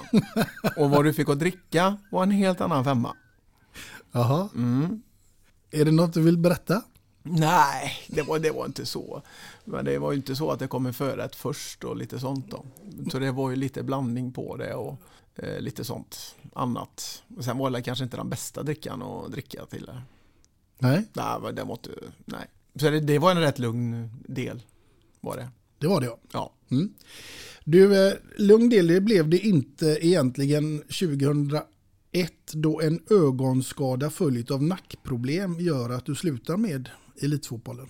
Ja, jag ser bara på ett öga. Eh, jag fick en skospets i ögat på den sista träningen som hände i november eh, 2000. Och ehm, fick då operera mig akut då för synnerven gick av. Och så att de kunde rädda någonting utav ögat men det gick inte. Jag har, de kallar det för någon sån här ledsyn, det släpper in ljus. Men jag ser inte på det. Om jag blundar på det andra ögat så ser jag ju, ser jag ju inget. Så det var en jobbig del att få avsluta sin karriär så. Eh, jag försökte 2001 att spela med glasögon och lite sånt och försäkringsbolagen sa nej och det var fruktansvärt mycket skit där. Eh, men det funkar inte eh, i den döda vinkeln som du måste ha när du spelar fotboll, att du måste ha koll överallt. Den funkar inte. Så på en träning så eh, var det, jag krockade med Rickard Claesson som var målvakt då. Jag såg inte han kom ut och skulle hämta bollen då. Och då åkte jag på en riktig törn där. Så då, då förstod jag att det här är inte bra. Jag kan ju bli mer skadad. Jag har ju ändå så ett liv efter fotbollen och mm, förhoppningsvis några barn, två barn att ta hand om. Då måste jag ju vara hyfsad frisk. Men det var en jobbig, jag har ju en, fick en skada både in, i ländryggen, jag har en diskbråck och jag har diskbråck på tredje, fjärde, femte kotan uppe i nacken. Då. Och herregud. plus blind då. Och ändå så, när man följer dig och så på Instagram och Facebook och allt det här så, så är du ju otroligt, ja, du är ju tränad och du rör på dig väldigt mycket. Du håller på med många aktiviteter, det är, du cyklar och du spelar golf och det är tennis och det är allt vad det är. Ja, men golf spelar jag jättegärna för jag tycker det är, jag älskar ju att träna. Och golf måste du träna för att du överhuvudtaget ska eh, kunna bli bra i golf. Och kontinuitet är någonting som jag brinner för. Cykling och så är mer för att hålla igång pumpen och benen och lite så. Det, det, det är roligt och det går fort. Sen är det ju lite lurigt, jag har ju ingen avståndsbedömning tack vare att jag bara ser på ett öga så jag får ta det lite, lite lugnt. Åker lite rullskidor ibland och springer lite ibland och gäller att hålla igång. Sen kom det en pandemi. Tyvärr fick jag en riktig jävla släng utav den skiten som, som jag kunde nästan inte träna på två år. Jag var ute och gick och det är fruktansvärt tråkigt. Så, men nu har jag börjat att träna igen. Kroppen svarar. Eh, Jag har börjat käka lite nyttigare. Göra saker som är roligare. Och inte kanske på den här elitnivån som man måste prestera på topp jämt. Mer än underhållning. Och jag håller min, mina diskblock i schack då.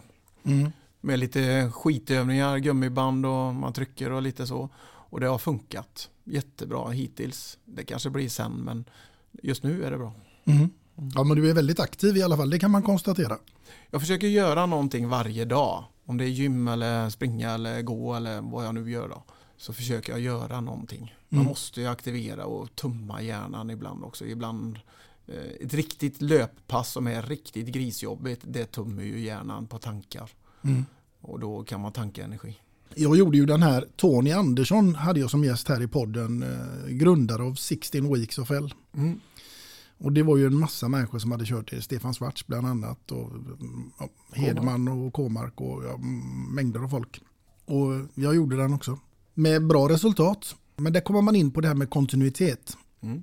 Där var man ute och gick varje morgon en powerwalk exempelvis. Du hade extrem koll på vad du stoppade i dig. Ja. Du hade 84 gympass på 112 dagar. Det, det var tufft va?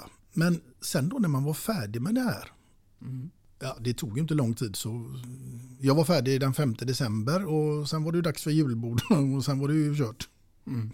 Det är ju ofta så alla de här grejerna. Jag tror att det är rätt personligt vad du ska göra men du måste sätta det in i schemat eh, i den veckan du har. Man har ju jobb och hämta barn eller vad man nu gör då. Jag tror att det är jätteviktigt att du får in det i kalendern att du får ett break och den behöver inte vara två timmars pass. Bara du gör någonting 30, 35 minuter, 40. Någonting, att du gör någonting, inte bara gå hem och sätta dig i soffan. Det är jädrigt bekvämt att sätta sig på vintern, titta på någon hockey eller göra något och fastna där. Och, och då ja, bli en soffpotatis. Eh, jag har hamnat där också. Ibland, ibland tycker jag det är fruktansvärt tråkigt. Jag har ingen lust. Eh, men de här dieter eller, eller käka, man, jag tror att du, den ska individanpassas till den du är och hur du vill leva. Och det är klart att du måste få käka gott också. Fan, du lever bara en gång. Mm. Och, men kanske inte varje dag. Du behöver inte. Jag käkar till exempel inte godis så ofta. Jag kanske köper någon del när jag handlar. Eh, Jag dricker ingen läsk, dricker ingen alkohol och lite sånt. Jag har tagit bort sådana delar. Och du mår mycket, mycket bättre. Det är min grej. Det kanske inte funkar för min granne. Men, och så att du motionerar. Jag spelar ju mycket golf. Jag går ju en 5-6 timmar då varje dag. Och det gäller att få i sig energi för att orka också. Och då kan du ta en bars eller en, någonting i den, den stilen. Och att du verkligen lever efter det du som passar dig. Inte som att det finns ett mål fram till det datum sen tar det slut. Mm. Då är jag körd. Mm. Jag kan ju göra det också. Men för ingen nytta. Mm. Mm. Nej.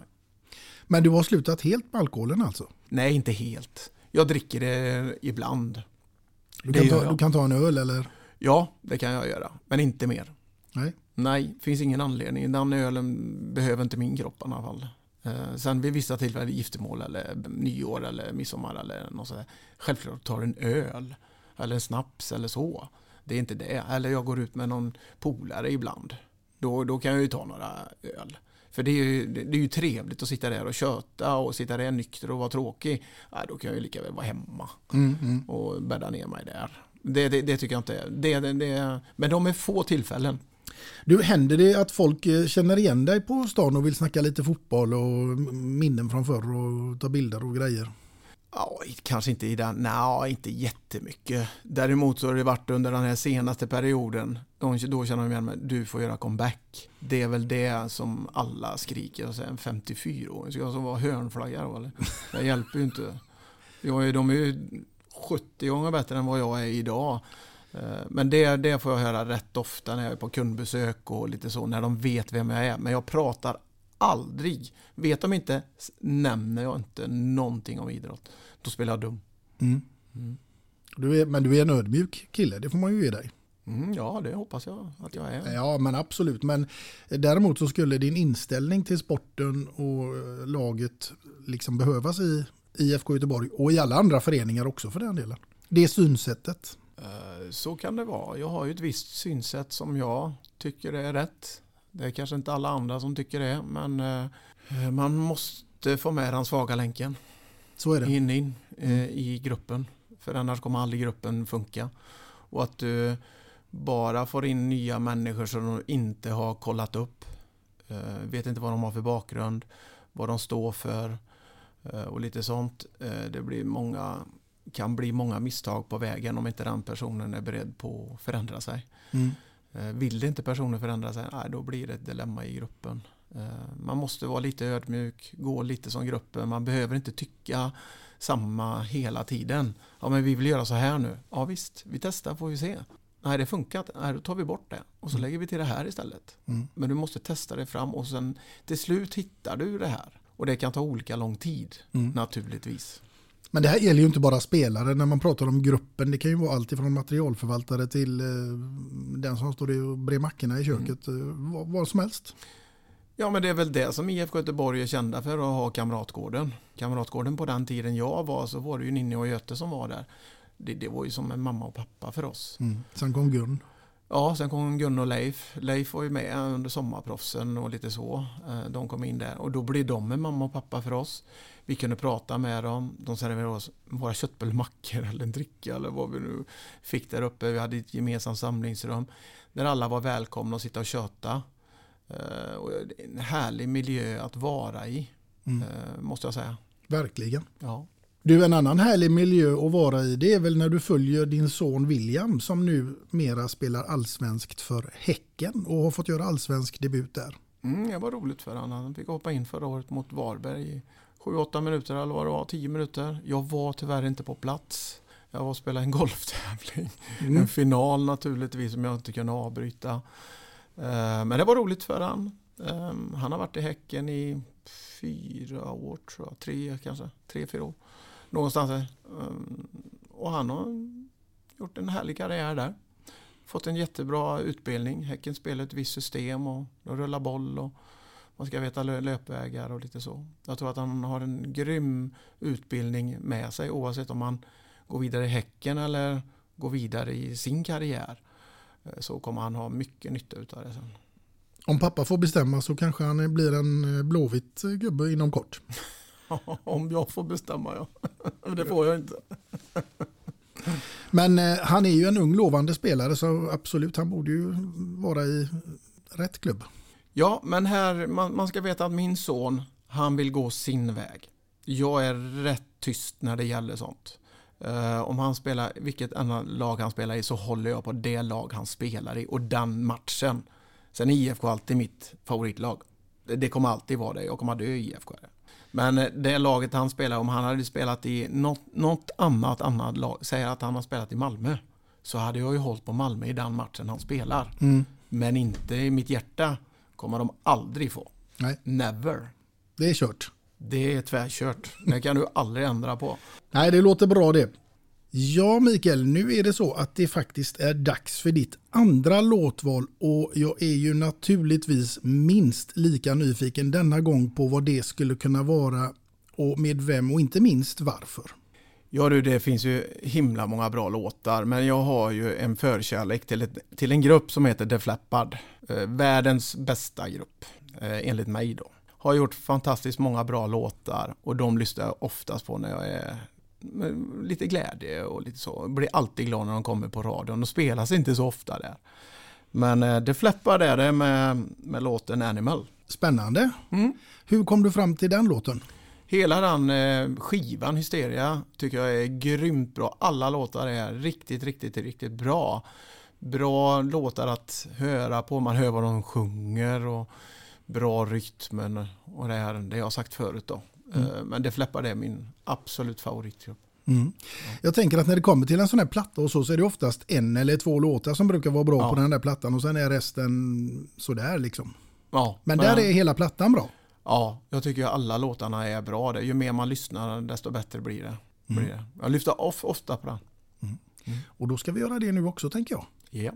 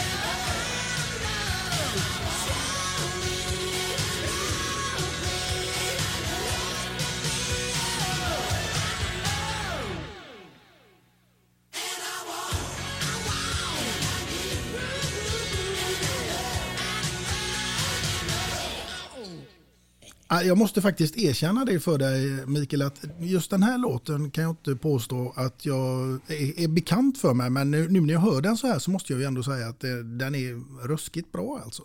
Ja, den är grymt bra. Sen har de ju jättemånga mer låtar som är bra också. Men den här tycker jag sticker ut. Mm. Ja, ja, men det håller jag faktiskt med om, verkligen. Den ska få en plats på min, eh, en av mina Spotify-listor nu. Bra, Ja, underbart. Ju Ja. mer desto bättre. kanske hela plattan hamnar där till slut.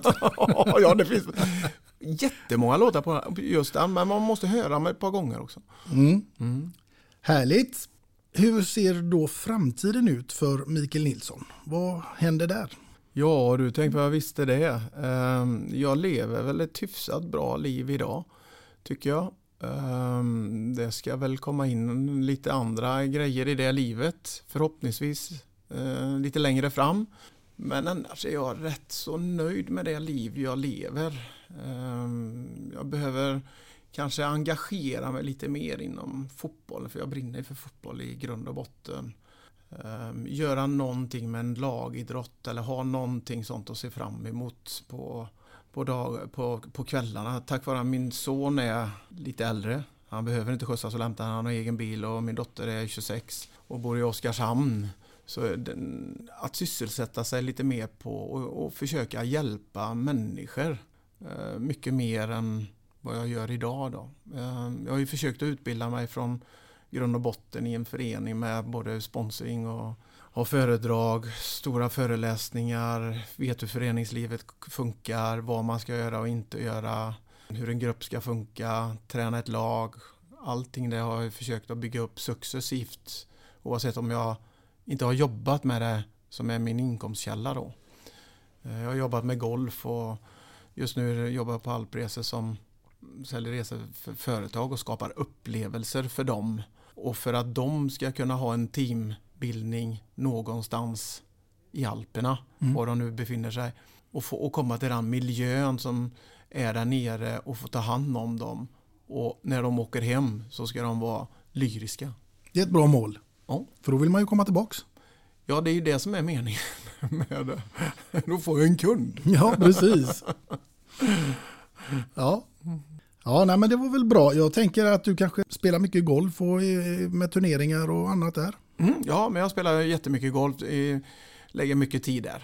Eh, jag tycker det är roligt och det är mest, det blir man är mest frustrerad i den sporten. Man, man inte kan slå samma slag hela tiden. Men det kan man aldrig. Det är, det är så många olika detaljer i golf som man måste vara bra på. Skjuta den här rakt och den ska svänga och ja, putta och chippa. Och det är aldrig något som är likt och du kan få olika banor om du vill. Och, och lite andra utmaningar. Och sen tycker jag ju om att tävla. Det finns ju en sån här H50-tour i Sverige.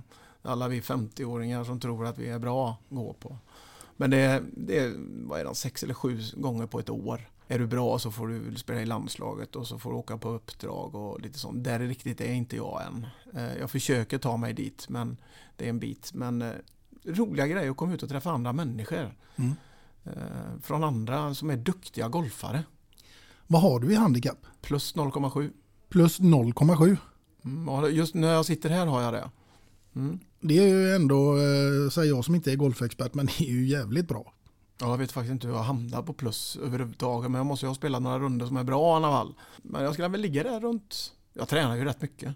Jag tränar nästan varje kväll. Mm. Jag bor ju inte i en golfbana så jag kan ju åka dit och putta och chippa och hänga lite och köta lite och än att sitta hemma själv och tröcka när inte sonen är hemma. Ja, jag har faktiskt inte vågat börja med den sporten av den enkla anledningen att man är en utpräglad vinnarskalle. Så att skulle man då vara på, vad är handikappet, är det 52 eller? Jag tror det går in på 54. 54, ja. Alltså, då vill man ju spela ner sitt handikapp. Det, Ja, blir, ju, det- det blir ju fan tvångstankar till slut. Ja, ja så är det i början. Ja. Och det går inte alltid bra. Nej. Nej. Och det är 18 hål som ska spelas. Det tar en viss tid. Ja, så är det. Man måste ha mycket tid på kvällar eller om man lägger och det, det tar en 5-6 timmar. Men man ska åka dit och man ska slå bollar och man ska spela och lite så. Det är väl det enda som är emot golf, att man måste gå ner i speltid. Alla är för krångliga, man ska börja läsa puttar när, när de andra puttar. Och, ja, det finns massa tidstjuvar där. Mm. Så man kan skynda på spelet. Det är ju inte British Open man spelar en sällskapsrunda. Däremot kan man ju tävla och, och i golf är det ju rätt bra för där har du ju ett handikapp. Så har jag, möter jag dig så har du ju 54 slag, då har du tre slag per hål. Svårare är det inte. Nej, det låter ju enkelt men Nej, ja. ja, du vinner. Jag lovar dig att du vinner. nej, det tror jag inte. Jo, i match eller poäng eller så vinner du, men kanske inte fle- flest slag eller minst slag. Nej, det skulle Nej. jag inte tro. Det får du jobbigt. ja, vem vet. Eh, när jag är 65 vilda kanske vi syns där ute på golfbanan. Ja, fantastiskt. Det är, men det är en skön miljö att vara i. Du är ute, du är ute och går, du har klubbor med dig, det är alltid någonting som händer. Bollen ligger inte bra, eller det finns så mycket roligt du kan göra på en golfbana och samtidigt får du motion. Mm. Nu är jag på en bana som alla åker bil på. Hatar bil. Golf går man. Mm, För att få motion. du åker inte golfbil alltså? Ja, om det är 35 grader varmt, då åker jag. Eller jag är tvingad att göra det på någon sån här sponsorgolf eller vad det nu kan vara. Då måste jag ju åka bil. Men då går jag oftast från andra slagen eller så. Mm. Fram till green och då tar jag mina klubbor och går. Jag Mm. måste gå. Mm. Mm. Ja, det, det märkte vi ju idag om inte annat. För då parkerade du bilen på fysiken och så gick du hit ner till eh, Mm. Coronet där vi nu sitter hos Nina på hennes kontorshotell och spelar in. Kanon, fick jag igång i sex minuter. Ja, Mm. det är Istället för att fantastiskt. parkera på närmsta, då fick jag lite röra på mig lite också. Säger jag som parkerar precis utanför dörren. jag såg det. ja. ja, men det blir bra. Du, eh, en annan fråga som jag måste ställa till det här också, det är vad innebär ordet livskvalitet för Mikael Nilsson? Livskvalitet. Nu är det så här att jag är ju en relativt enkel person att ha att göra med och jag lever ett enkelt liv. För mig är inte livskvalitet att äga något jädra stort hus eller köra Porsche eller bära Rolex eller Breitling eller fina kläder eller så. Jag är den jag är. Take it or leave it. Livskvalitet är för mig att ta vara på dagen så bra som möjligt. Göra roliga saker. Kul och ha kul. Skratta mycket, skämta mycket. Som, och ha människor runt omkring kring mig som jag verkligen trivs med. Och som vet vem jag är. Jag är hyfsad ödmjuk, inga stora ord eller skryter eller så. Och de personerna får vara egentligen vara hur de vill men att de uppskattar mig på det jag säger. Visst säger jag dumma saker ibland också. Men då, då kan man få ett hugg tillbaka. Gärna ironi. Omklädningsrummetsnacket som du har eh, är inte uppskattat på alla håll. Nej. Eh, Ska gudarna veta och då får man skärpa till sig lite.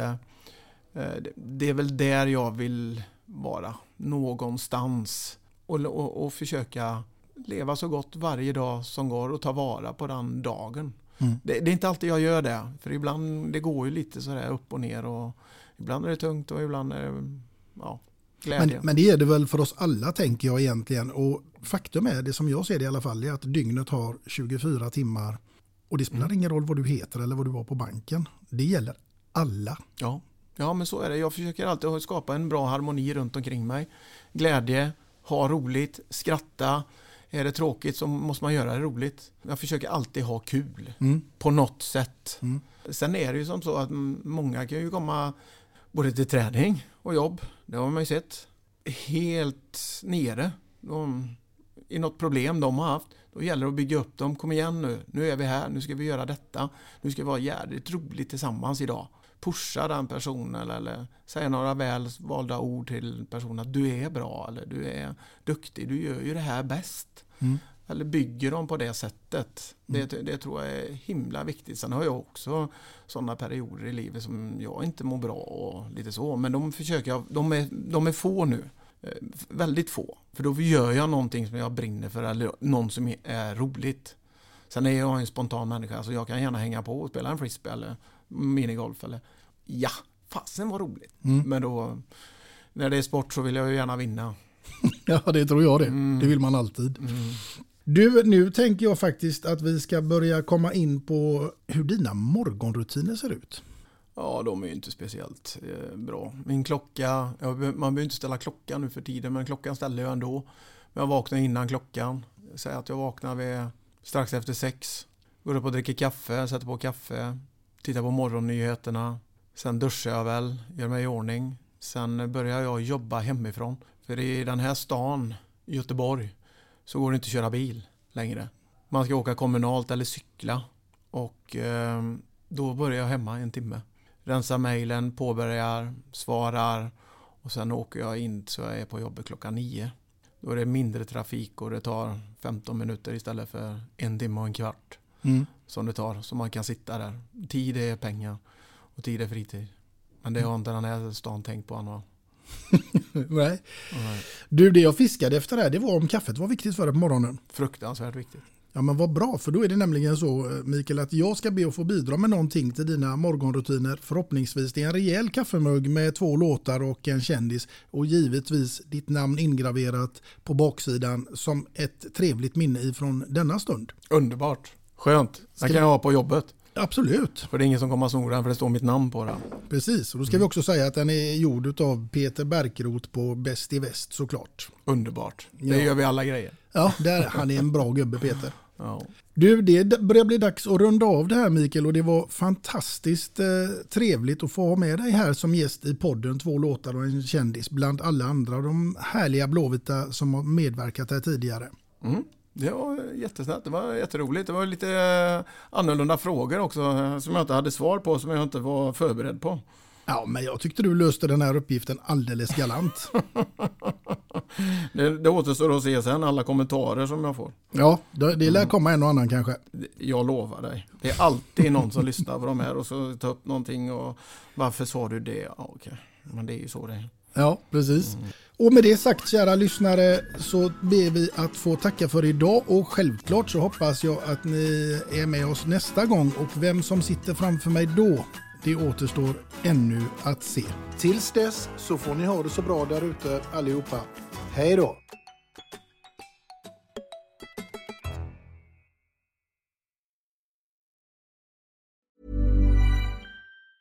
Planning for your next trip? Elevate your travel style with Quince. Quince has all the jet setting essentials you'll want for your next getaway, like European linen, premium luggage options, buttery soft Italian leather bags, and so much more. And is all priced at 50 to 80% less than similar brands. Plus, Quince only works with factories that use safe and ethical manufacturing practices. Pack your bags with high-quality essentials you'll be wearing for vacations to come with Quince. Go to quince.com slash pack for free shipping and 365-day returns. Hey, it's Paige DeSorbo from Giggly Squad. High quality fashion without the price tag. Say hello to Quince. I'm snagging high-end essentials like cozy cashmere sweaters, sleek leather jackets, fine jewelry, and so much more. With Quince being 50 to 80% less than similar brands. And they partner with factories that prioritize safe, ethical, and responsible manufacturing. I love that. Luxury quality within reach. Go to quince.com slash style to get free shipping and 365 day returns on your next order. Quince.com slash style.